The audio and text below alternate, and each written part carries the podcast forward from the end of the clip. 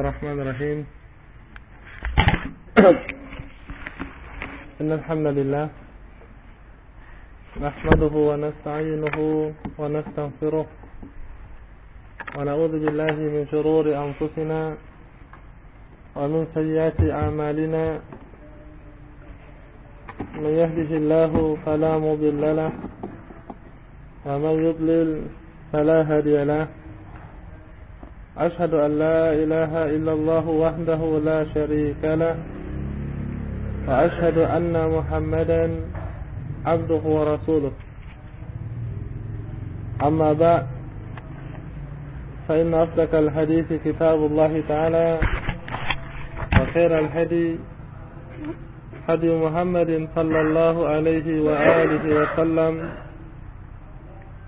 وشر الأمور محدثاتها فإن كل محدثة بدعة وكل بدعة ضلالة وكل ضلالة في النار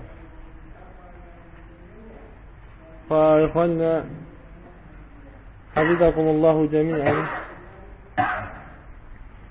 pada kitab Al-Qawaid Al-Arba'ah yang dituliskan oleh Syekhul Imam Muhammad Ibn Abdul Wahhab rahimahullah telah kita sebutkan sebelumnya yang berkaitan tentang din atau millah Ibrahim yang beliau rahimahullahu taala yang mengutip penyifatan Allah Subhanahu wa taala terhadap millah Ibrahim sebagai millah Hanafiyah. Dan Allah Subhanahu wa taala berfirman, ثم أوحينا إليك أن اتبع ملة إبراهيم حنيفا وما كان من المشركين Setelah itu kami wahyukan kepada engkau ya Muhammad agar engkau mengikuti millah Ibrahim hanifa ya wa ma kana minal musyrikin dan tidaklah beliau alaihi salam termasuk di antara orang-orang musyrik Allah Subhanahu wa taala menyifati ya menyifati millah Ibrahim ini sebagai millah Hanifah. Demikian juga dakwah Nabi kita Muhammad sallallahu alaihi wasallam dan syiar beliau mana beliau sallallahu alaihi wasallam sendiri sebutkan inni bu'istu bil hanafiyyati sumha bahwa saya diutus ya dengan Hanafiyah As-Sumha. Dan beliau menyebutkan bahawa makna ya millat Ibrahim Hanifa atau makna Al-Hanafiyah beliau menyebutkan an ta'budallaha mukhlishan lahu din. Demikianlah dakwah Nabiullah Ibrahim alaihi salam. Dan telah kita sebutkan juga pada majlis kita yang lainnya tentang firman Allah Subhanahu wa taala akan hal Nabi Allah Ibrahim dan orang-orang beriman yang bersama beliau di mana mereka mengatakan kepada kaumnya inna bura'a'u minkum wa mimma ta'budun. Mimma ta'buduna min dunillah. Wa kami berlepas diri daripada kalian dan semua sembahan kalian selain Allah Subhanahu wa taala kafarna bikum wa bada bainana wa bainakum al-adawata wal baghdha. Ya. Dan kami kufur kepada kalian dan permusuhan serta kebencian kepada kalian telah dimulai. Ya hingga kalian kembali beribadah kepada Allah Subhanahu wa taala semata Demikian juga seruan Ibrahim alaihissalam kepada bapa beliau yang menunjukkan bagaimana lurusnya ajaran Ibrahim alaihissalam tanpa membedakan apakah itu kerabat beliau, kaum beliau ataukah selainnya. Mana beliau berkata kepada bapaknya, Ya abati, lima ta'bud syaitan, wahai bapakku, mengapa engkau menyembah syaitan? Ya, sedangkan syaitan kata Ibrahim alaihissalam wa kana syaitan lirrahmani asiya sementara syaitan adalah makhluk Allah yang melakukan kemaksiatan kepadanya Dan juga pada ayat lainnya Nabiullah Ibrahim alaihissalam dikisahkan menghancurkan berhala-berhala kaum dia. Demikian juga halnya ketika Ibrahim alaihissalam mencari al-haqqa, mencari kebenaran dan melihat ya. Bulan, melihat bintang, bulan dan matahari. Dan setiap kali melihat makhluk Allah Subhanahu wa taala terbesar tadi, Nabiullah Ibrahim mengatakan hada rabbi. Ya ini adalah Rabbku. Bahkan ketika melihat matahari beliau alaihissalam mengatakan hada rabbi hada akbar. Ya ini adalah Rabbku ini lebih besar. Ya falamma afala ketika matahari dan makhluk Allah subhanahu wa ta'ala yang besar tadi terbenam kata la yuhibbul afilin. Sesungguhnya saya tidak menyembah tidak menyenangi sesuatu yang dapat sirna sesuatu yang terbenam hingga Allah Subhanahu wa taala memberikan hidayah dan mengangkat beliau sebagai seorang nabi dan rasul dan beliau asyiknya menyuruh kepada millah agama yang lurus agama kepada peribadatan kepada Allah Subhanahu wa taala semata. Di sini beliau menyebutkan seterusnya berkata Syekh rahimahullah fa idza arafta anna Allah khalaqaka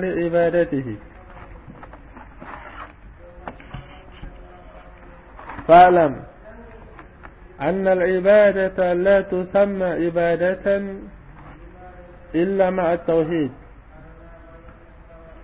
التبليغ رحمه الله تعالى أبا أبابيل أنك مغتهوي أن الله خلقك لعبادته. bahwa Allah subhanahu wa ta'ala menciptakan kalian menciptakan anda ya li ibadatihi lam di sini merupakan faedah atau ghayah tujuan. Dan juga bisa bermakna ta'lil. Ayat sebagai alasan. Allah Subhanahu wa taala menciptakan kalian dengan tujuan atau dengan alasan untuk beribadah kepadanya. Fa'lam maka ketahuilah anna al-ibadata la tusamma ibadatan illa ma'a tauhid.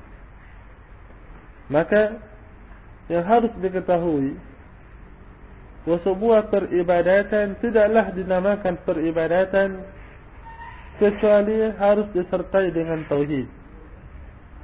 Allah Subhanahu wa taala berfirman pada ayat yang beliau sebutkan sebelumnya ya wa ma khalaqtul jinna wal insa illa liya'budun bahwa alasan diciptakan kaum jin dan manusia tidak lain untuk beribadah kepada Allah Subhanahu wa taala. Pada akhir ayat liya'budun asalnya adalah liya'buduni. Ya dengan hari dengan ya yang mahzuf. Ya, agar mereka beribadah kepadaku. Nah, ini alasan di ya seluruh hamba diciptakan. Kata beliau rahimahullahu taala, Ketika kita fahami hal ini bahawa alasan diciptakannya kaum manusia dan jin untuk beribadah hal selanjutnya harus difahami bahawa ibadah tidaklah dinamakan ibadah ya, kecuali Jikalau ibadah tersebut Ia disertakan dengan tauhid Baina beliau isyaratkan di awal kalimat beliau Ya anna al-hanifiyata millata Ibrahim An ta'budallaha muslisan ya. Bahawa millata Ibrahim yang hanifah ini Maknanya adalah beribadah kepada Allah mukhlisan. Fa makna mukhlisan yakni ya ikhlas fil ibadah. Ikhlas dalam peribadatan. Dan ikhlas dalam peribadatan yakni ya mentunggalkan Allah Subhanahu wa taala dalam segala bentuk peribadatan. Yang zahir maupun yang batin. menjadikan Allah satu-satunya yang disembah tatkala seseorang tawassul, tawakal, doa, istighafah satu-satunya zat di mana seorang hamba menyerahkan mahabbahnya, rasa cinta, ta'zim, pengagungan, al-khauf dan raja, rasa takut dan pengharapan atau tarhib dan targhib yang ada pada benak seorang hamba hanyalah diserahkan kepada Allah Subhanahu wa taala. Ha, ini dia makna anta budallaha mukhlishan ya lahuddin. Fal ibadah yang telah kita ketahui definisinya sebagai sebuah penama mencakup seluruh amalan zahir dan batin yang Allah ridhai. Ya, tidaklah dinamakan ibadah kecuali disertai dengan at-tauhid. At-tauhid sendiri yang merupakan ya, sebuah dasar pijakan peribadatan yang berkisar kepada mahabbah dan ta'zim berkisar kepada rasa takut dan pengharapan. Ya. ini yang harus ada dan tampak pada setiap bentuk ya peribadatan.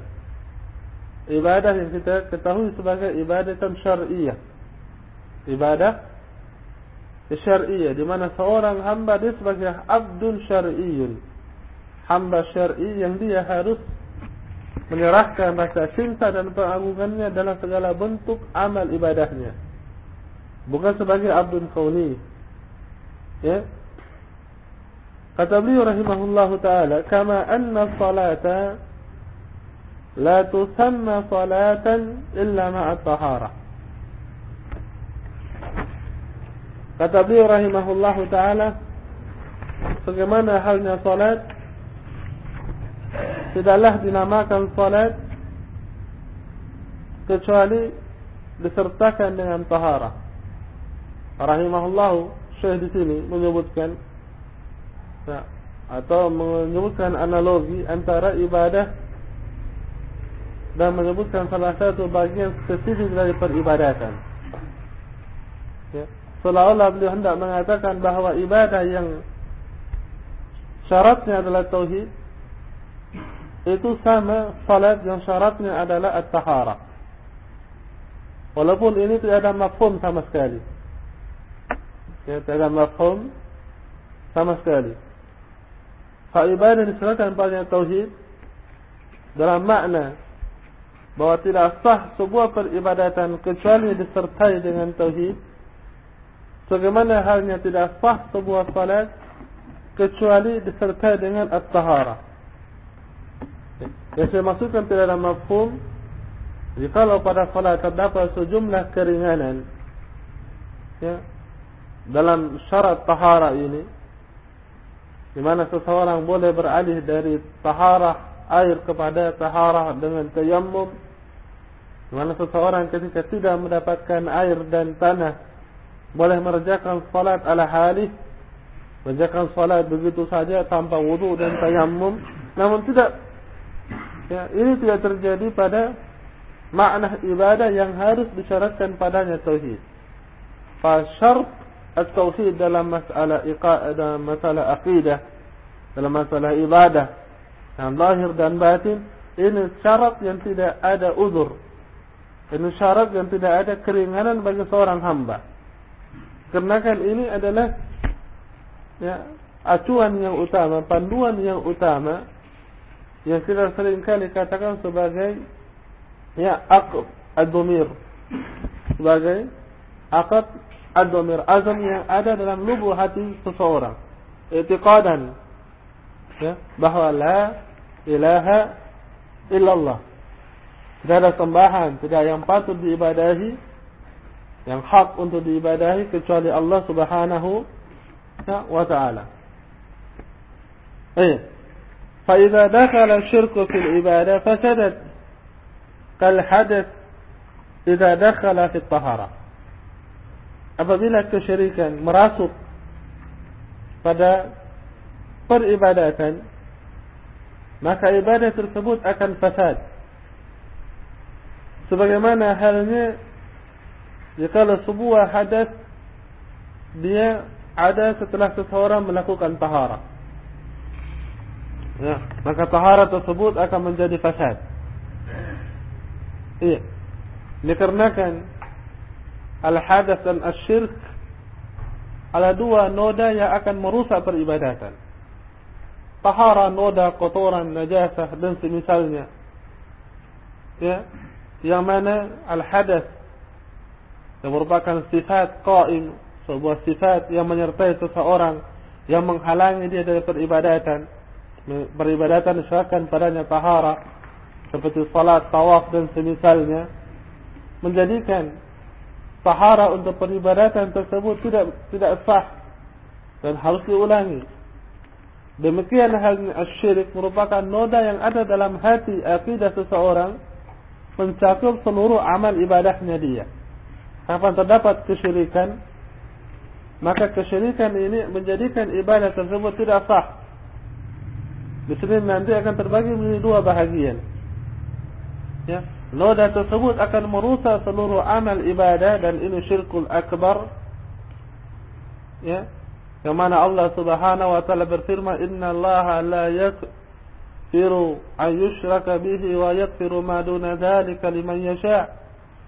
Allah Subhanahu wa taala yang tidaklah mengampuni seseorang yang melakukan kesyirikan kepadanya sementara Allah tabaraka wa taala mengampuni selain dari dosa-dosa kesyirikan. Ini yang pertama. Ya. Sedangkan yang kedua adalah syirkul asgar syirik. Syirik kecil. Ya. Yang dalam hadis yang sahih Nabi sallallahu alaihi wasallam mengibaratkannya Ya bagaikan seekor semut hitam yang berjalan di tengah malam di padang ya, Yang maha luas, yang gersang.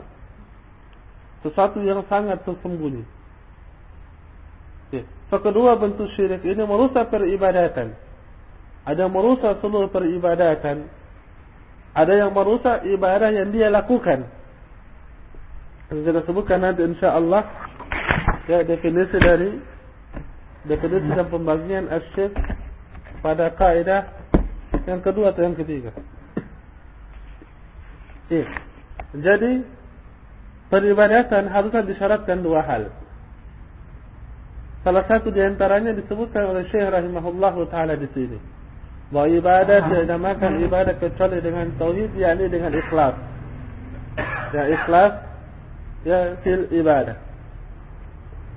Iya dan menjadikan at-tauhid sebagai syaratul mutlak yang setiap bentuk peribadatan.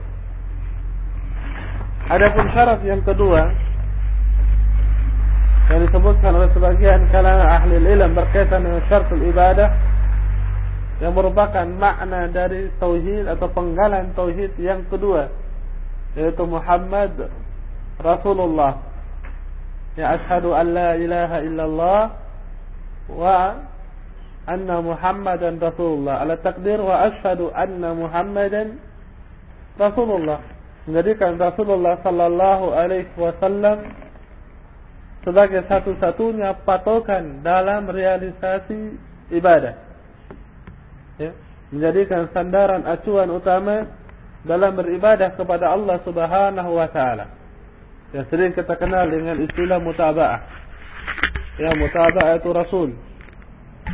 Yang mengikuti Rasulullah sallallahu alaihi wa alihi wasallam atau dikenal dengan tauhid al-mutaba'ah. Tauhid yang berkaitan dengan kalimat la ilaha illallah yang terbagi menjadi tiga bahagian. Tauhid uluhiyah tauhid rububiyah dan tauhid al-asma dan as-sifat. Sedangkan pada kalimat Muhammad Rasulullah terdapat satu bentuk at-tauhid yaitu tauhid fi ma'rifatir rasul yaitu tauhid mutaba'ah. Tauhid dalam mengikuti Rasulullah sallallahu alaihi wa alihi ya wasallam. Di mana Allah Subhanahu wa taala berfirman berkaitan dengan tauhid mutaba'ah ini Allah taala berfirman وما يشاقق الرسول من بعد ما تبين له الهدى ويتبع سبيل المؤمنين wa nuwallihi man tawalla wa nuslihi jahannam wa sa'at masira. Barang siapa yang menyelisihi rasul yaitu Rasulullah sallallahu alaihi wa alihi wasallam setelah datang kepada dia hidayah maka kami akan palingkan dia kepada yang dia kehendaki. Setelah itu kami campakkan dia ke dalam api jahannam. Ya, dan disebutkan pada ayat ini juga selain menyimpan dari ajaran Rasulullah sallallahu alaihi wasallam juga menyimpan dari jalannya orang-orang yang beriman yaitu para sahabat radhiyallahu taala anhum ajma'in. Iya. Dan juga firman Allah Subhanahu wa taala secara umum Allah wa atiiur rasul dan taatlah kalian kepada Allah dan taatlah kalian kepada Ar-Rasul ان رسول الله صلى الله عليه وآله وسلم. نجوك فرمان الله سبحانه وتعالى يا فرمان الله تعالى من رنكن بهو كليا يعني أوران أوران بريمان لا يؤمنون تدع لا بريمان حتى يحكموك فيما شجر بينهم تدع لا كليا إن بريمان أتمريك إني من شاف درجة الإيمان حتى يحكموك hatta menjadikan engkau ya Muhammad sebagai hakim penentu keputusan sebagai dasar eh, pengambilan amalan. Fi ma syajara bainahum. Atas segala permasalahan yang mereka perselisihkan.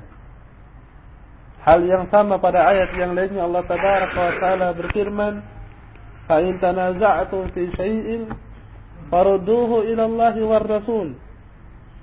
Dan jika kalian berselisih, ya maka kembalikanlah perselisihan kalian ini pertama kepada Allah Subhanahu wa taala dan yang kedua yaitu kepada Rasulullah sallallahu alaihi wa alihi wasallam. Baik. Dan sejumlah ayat yang lainnya yang menunjukkan keharusan untuk mutabaah ikut kepada Rasulullah sallallahu alaihi wa alihi wasallam. Adapun dari sunnah hadis yang sangat banyak. Salah satu di antaranya adalah hadis Al-Irbad Ibn Sariyah dalam sahih di mana Nabi sallallahu alaihi wasallam bersabda, "Faman ya'ish minkum fa sayara ikhtilafan katsira." فعليكم بسنتي وسنة الخلفاء الراشدين عدوا عليها بالنواجد Para siapa di antara kalian yang hidup yaitu setelah zamannya para sahabat niscaya dia akan mendapatkan perselisihan yang sangat banyak maka diwajibkan baginya untuk berpegang dengan sunnahku dan sunnah Rasulullah sallallahu alaihi wasallam. Demikian juga halnya dengan hadis Abi Dzar dan hadis Salman radhiyallahu taala anhuma yang telah kita singgung ya. Di beberapa majlis kita? Rasulullah sallallahu alaihi wasallam telah menerangkan segala sesuatu hingga buang hajat hingga burung yang berterbangan di langit. Rasulullah sallallahu alaihi wasallam telah jelaskan hal ihwal burung tersebut. Dan dia sallallahu alaihi wasallam bersabda taraktukum ala mahajjatin bayda lailuha kanahariha la yaziru anha illa halik. Ya. Saya tinggalkan kalian di atas pijakan yang putih bersih. Malamnya, layaknya, siangnya Tidak akan menyimpang Dari pijakan yang putih bersih ini Kecuali dia akan binasa Dan juga hadis yang masyhur lainnya Di dalam As-Sahih Rasulullah sallallahu alaihi wasallam bersabda Taraktu fikum amrain ma in tamasaktum bihima lam tadillu abada kitab Allah wa sunnati. Ya. Rasulullah sallallahu alaihi wasallam bersabda, "Saya tinggalkan kalian dua perkara. Kapan kalian berpegang dengan kedua perkara ini, kalian tidak akan sesat selamanya, yaitu kitab Allah dan sunnah." Ini di antara hadis Nabi sallallahu alaihi wasallam yang menunjukkan keharusan untuk mutaba'ah ikut meneladani menjadikan Rasulullah sallallahu alaihi wasallam sebagai teladan dan contoh. Walaqad kana lakum fi Rasulillahi uswatun hasanah. Teladan yang utama, teladan yang baik telah ada pada diri Rasulullah sallallahu alaihi wa alihi wasallam. Baik. Selanjutnya beliau menyebutkan فإذا أردت أن شرك apabila ya, kalian atau engkau mengetahui bahwa kesyirikan idza qalat al ibadata afsadaha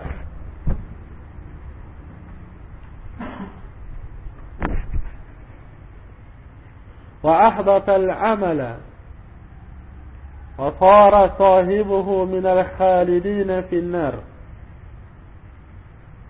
Beliau berkata apabila engkau telah mengetahui bahawa kesyirikan Ita khalatal ibadah Ketika kesyirikan ini bercampur pada al-ibadah Perhatikan kata asyirku dan al-ibadah Datang dengan alif wal lam Alif wal lam at-ta'rifiyah dan alif al-lam at-ta'rifiyah ini mengandung dua makna.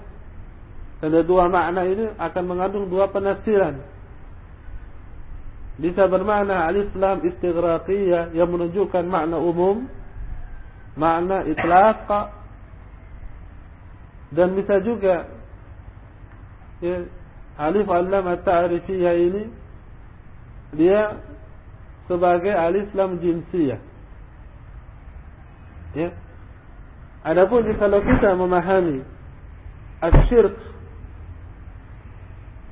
alif lam yang ada pada kata asyirk. Sebagai alif al-lam istighraqiyah fa maknanya ya asyirkul mutlak syirik secara mutlak dan segala bentuk jenisnya tanpa dikecualikan. Maka syirik tersebut akan merusak peribadatan akan merusak ya peribadatan secara mutlak juga. Ay, segala bentuk kesyirikan akan merusak seluruh bentuk peribadatan tanpa dikecualikan. Jadi kalau kita ya memahami alif wal lam yang ada pada kedua kata ini sebagai alif lam jinsiyah ya berarti yang dimaksud di sini jins syirik dan jinsul ibadah. Bisa dia bermakna secara umum jika kesyirikan tersebut kesyirikan yang merupakan syirkun fil i'tiqad. Ya, syirk pada i'tiqad atau syirkul akbar dalam amal. Namun bisa juga termasuk pada bagian ini adalah syirkul asgar. Karena syirkul asgar adalah qasim syirk. Syirkul asgar adalah bagian dari apa? Ya, syirik itu sendiri. Dan jika dia syirkul asgar, maka ibadah ini juga dimaksudkan adalah juzu atau afrad salah satu bagian dari peribadatan yang ada. Tidak secara keseluruhan. Dan ini salah satu hal yang membedakan antara syirkul akbar dan syirkul asgar. Pertama tadi Wasyirkul akbar ya, Wasyirkul eh, akbar tidaklah diampuni oleh Allah subhanahu wa ta'ala. Sementara syirkul akbar Ya pelakunya Akan diampuni oleh Allah subhanahu ya, wa ta'ala. Ya Allah subhanahu wa ta'ala berfirman Inna Allah la yagfir Ayushraka bihi ayushraka bihi wa yaghfiru ma duna dhalik. Allah Subhanahu wa taala tidaklah mengampuni dosa syirik. Sementara Allah Subhanahu wa taala mengampuni dosa lainnya liman yasha. Bagi yang Allah kehendaki. Fasyirik yang dimaksud pada ayat tidak syirkul akbar.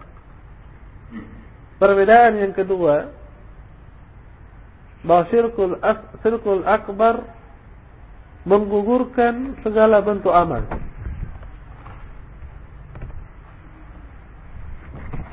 Ya. Berbeda halnya dengan syirku al-asghar. Berbeda halnya syirku al-asghar yang hanya menggugurkan amalan di mana dia melakukan kesyirikan. Nah, pada hadis yang hasan ya Rasulullah sallallahu alaihi wasallam menyebutkan tentang hal syirkul asghar ayyakuma rajulin fi salat fi manzari rajulin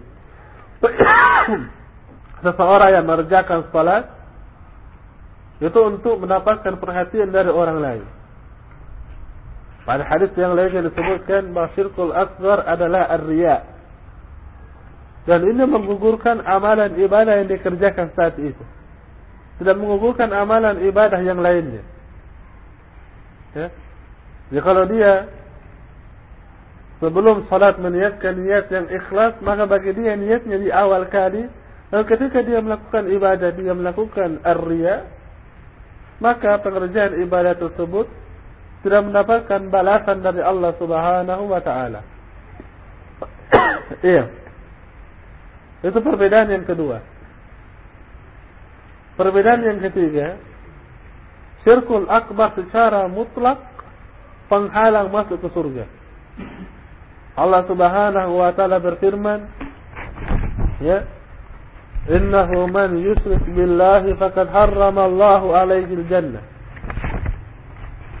wa sesungguhnya yang melakukan kesyirikan kepada Allah Subhanahu wa taala maka dia telah diharamkan baginya surga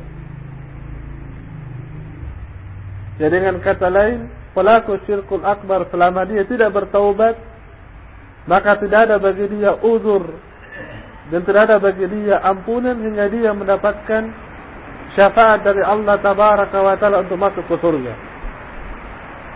Hal yang berbeda dengan syirkul asgar. Syirkul asgar mengurangi nilai amal. Syirkul asgar menjadikan seorang hamba yang pada timbangan kebaikannya berkurang. Namun tidak sampai hamba tersebut diharamkan dari surga. Tidak sampai diharamkan dari surga. Hanya saja ada hal yang perlu diperhatikan. Bahawa syirkul asgar dikatakan syirkun. Dikarenakan syirkul asgar ini juga termasuk salah satu wasilah. Ya sarana di mana seseorang akan mungkin terjatuh kepada syirik yang lebih besar.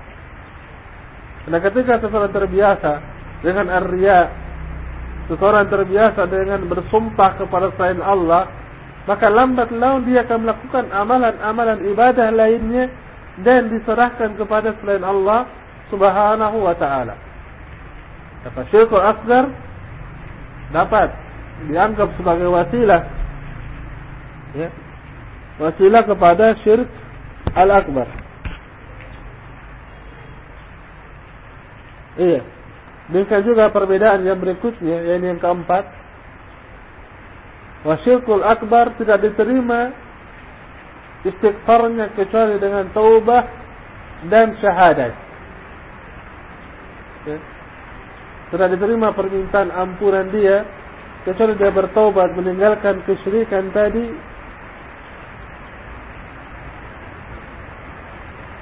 Ya. Dan dia mengulangi kalimat syahadat. Sementara syirkul asgar hanya dengan taubat dan istighfar dan tidak diharuskan untuk mengulangi syahadat. Nah, ini empat perbedaan yang seringkali disebutkan oleh kalangan ahli ilmu berkaitan dengan uh, perbedaan antara syirkul akbar, syirik besar dan syirik kecil, yaitu syirik al-asgar. Fadli rahimahullah ta'ala menyebutkan فإذا عرفت أن الشرك إذا خالت العبادة أفسدها وأهبط العمل وصار صاحبه من الخالدين في النار ketika engkau mengetahui bahawa kesyirikan apabila menyatu dengan peribadatan maka kesyirikan tersebut akan merusak ibadah dan menghancurkan menyirnakan seluruh amalan dan pelakunya akan termasuk di antara orang-orang yang akan kekal di dalam api neraka. Yusri innama man yusyriku billahi faqad harrama alaihi al-jannah.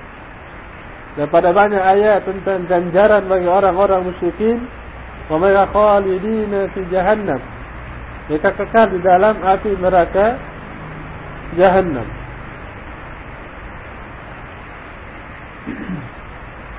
Kata beliau rahimahullah taala selanjutnya, "Anna ahamma ma 'alaika ma'rifatu dzalika." Kata beliau rahimahullah, maka yang paling penting yang wajib untuk kalian ketahui adalah mengenal hal tersebut mengenal at-tauhid sebagai millat Ibrahim Hanifa dan mengenal kesyirikan yang akan menggugurkan setiap bentuk amal. La'alla Allah an yukhallifaka min hadith syabaka wa hiya syirku billah. Ya semoga atau dengan harapan Allah Tabaraka wa Ta'ala akan memurnikan, akan membersihkan kalian dari noda ini, yaitu syirik kepada Allah. Alladhi qala Allah Ta'ala fihi Inna Allah la yakfiru an yushraka bihi ويغفر ما دون ذلك لمن يشاء di mana Allah Subhanahu wa taala berfirman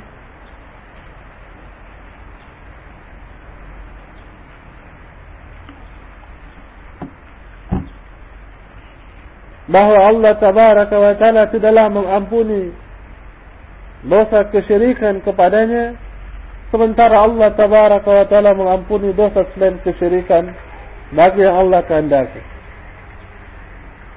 Kata dia rahimahullah ta'ala wa dhalika bima'rifati arba'i qawaida dzakaraha Allah ta'ala fi kitabih. Kata dia rahimahullah ta'ala dan pengenalan tentang hal ini pengenalan tentang detail syirik makna dan hakikat syirik serta juga tentunya tarikh terjadinya kesyirikan serta ganjaran bagi orang-orang musyrikin di dunia dan di akhirat. Ya. Mengenal hal ini itu dengan mengenal empat kawaid empat kaidah yang disebutkan oleh penulis rahimahullah taala dan juga disebutkan di dalam Al-Qur'an Al-Karim karena dengan mengenal kebalikan sesuatu akan kita kenal hakikat sesuatu untuk mengenal makna tauhid kita harus mengenal apa itu syirik sebagai pembatal at-tauhid. Di mana dikatakan wa bidubbiha tatabayyanul haqa'iq. Dengan kebalikan sesuatu maka hakikat sesuatu tersebut akan menjadi jelas. Untuk ya, bagi kita jelas akan hal at-tauhid maka perlu bagi kita untuk mengenal apa itu kesyirikan. Dan beliau rahimahullah ta'ala akan menyebutkan di sini empat kaidah berkaitan dengan kaidah ya kaidah bagaimana kita mengetahui dan mengenal ya kesyirikan. Beliau menyebutkan al-qaidatul ula. Kaidah yang pertama.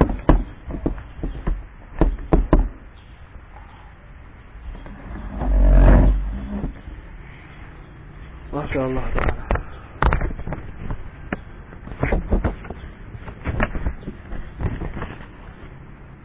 القاعدة الأولى أن تعلم أن الكفار الذين قاتلهم رسول الله صلى الله عليه وسلم مقرون بأن الله تعالى هو الخالق المدبر وأن ذلك لم يدخلهم في الإسلام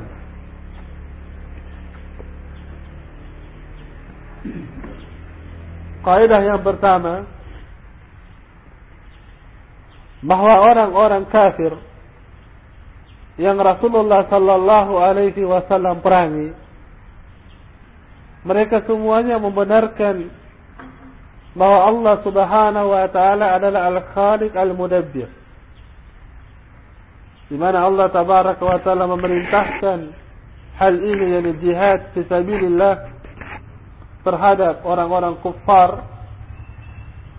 Rasulullah sallallahu alaihi wasallam bersabda, "Ya ayyuhan nabi, jahidil kuffara wal munafiqina waqlub alaihim."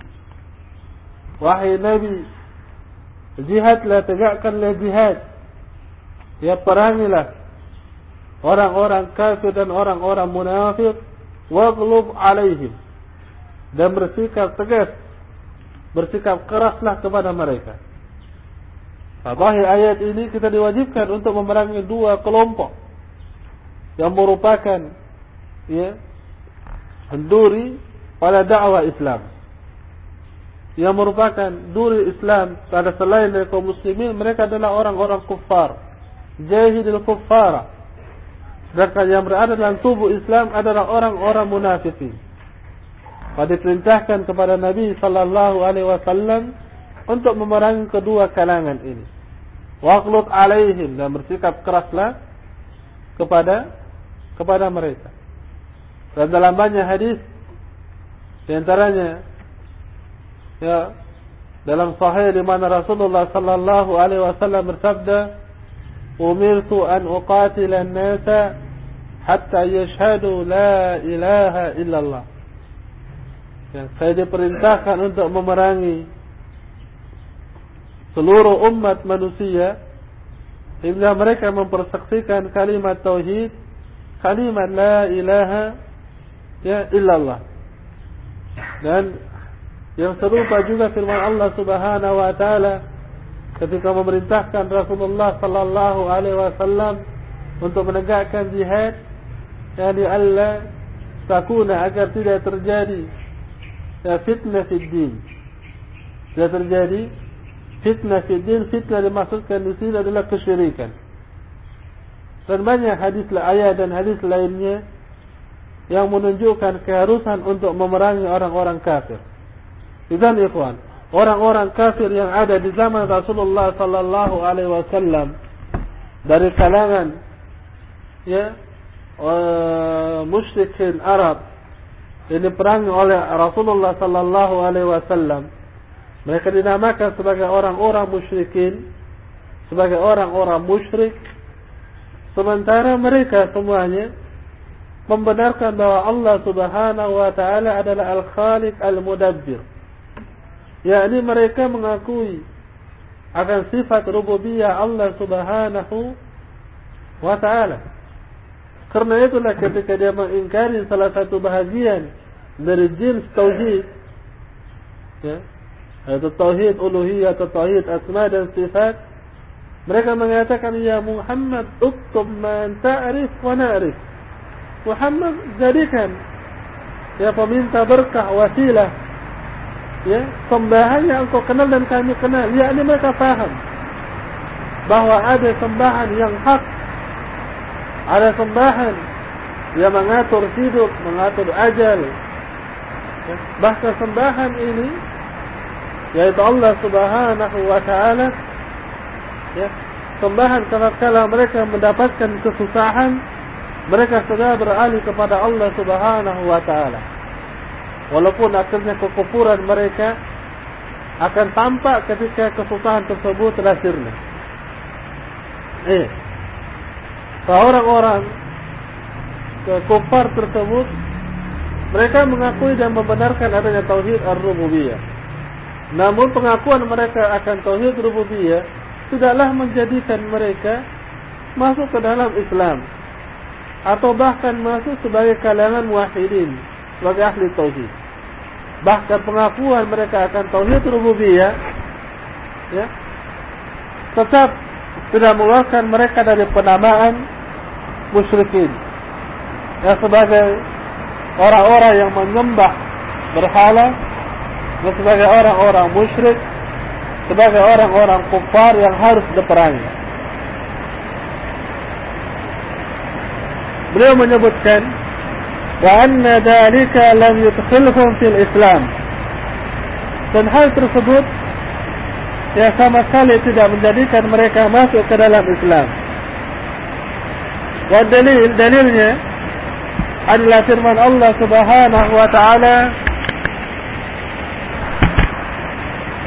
قل من يرزقكم من السماء والأرض أما يملك السمع والأبصار ومن يخرج الهي من الميت ويخرج الميت من الهي ومن يدبر الأمر فسيقولون الله فقل أفلا تتقون. Katakan يا محمد kepada mereka. Siapakah yang memberikan rezeki yang dari langit dan dari dalam bumi? Dan siapakah yang menguasai pendengaran dan penglihatan? Yang mengeluarkan satu yang hidup dari sesuatu yang mati? Dan mengeluarkan sesuatu yang mati dari sesuatu yang hidup? Dan siapakah yang mengatur segala urusan? Mereka mengatakan Allah tabaraka wa ta'ala maka katakan ya Muhammad afala tattaqun mengapa kalian tidak bertakwa dan pada ayat yang lainnya Ya Allah subhanahu wa ta'ala meminta kepada Rasulullah untuk bertanya kepada mereka. Dan siapakah yang telah menciptakan diri-diri kalian? Dan mereka juga menjawab Allah subhanahu wa ta'ala. So, mereka mengakui bahawa Allah subhanahu wa ta'ala adalah Al-Khalid. Allah adalah Al-Razzaq. Allah adalah Al-Mudabbir.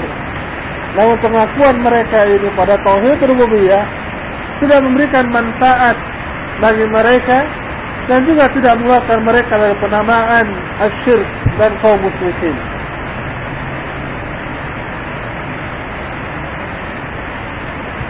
Baik, nak tahu lah mana سبحانك اللهم وبحمدك أشهد أن لا إله إلا الله واتوب إليك.